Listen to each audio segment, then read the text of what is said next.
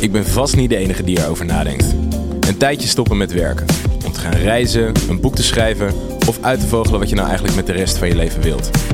Een tussenpensioen. Dat lijkt mij wel wat. Mijn naam is Luc, ik ben 30 jaar, vader van twee kinderen en ik zou wel eens een tijdje in een ander land willen verblijven. En dan langer dan een paar weken. Maar waar begin ik?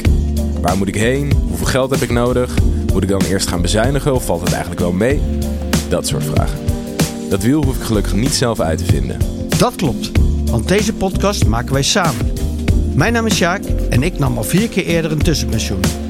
Samen spreken we voor deze podcast gasten die net als ik een lange break namen om eens iets heel anders te gaan doen.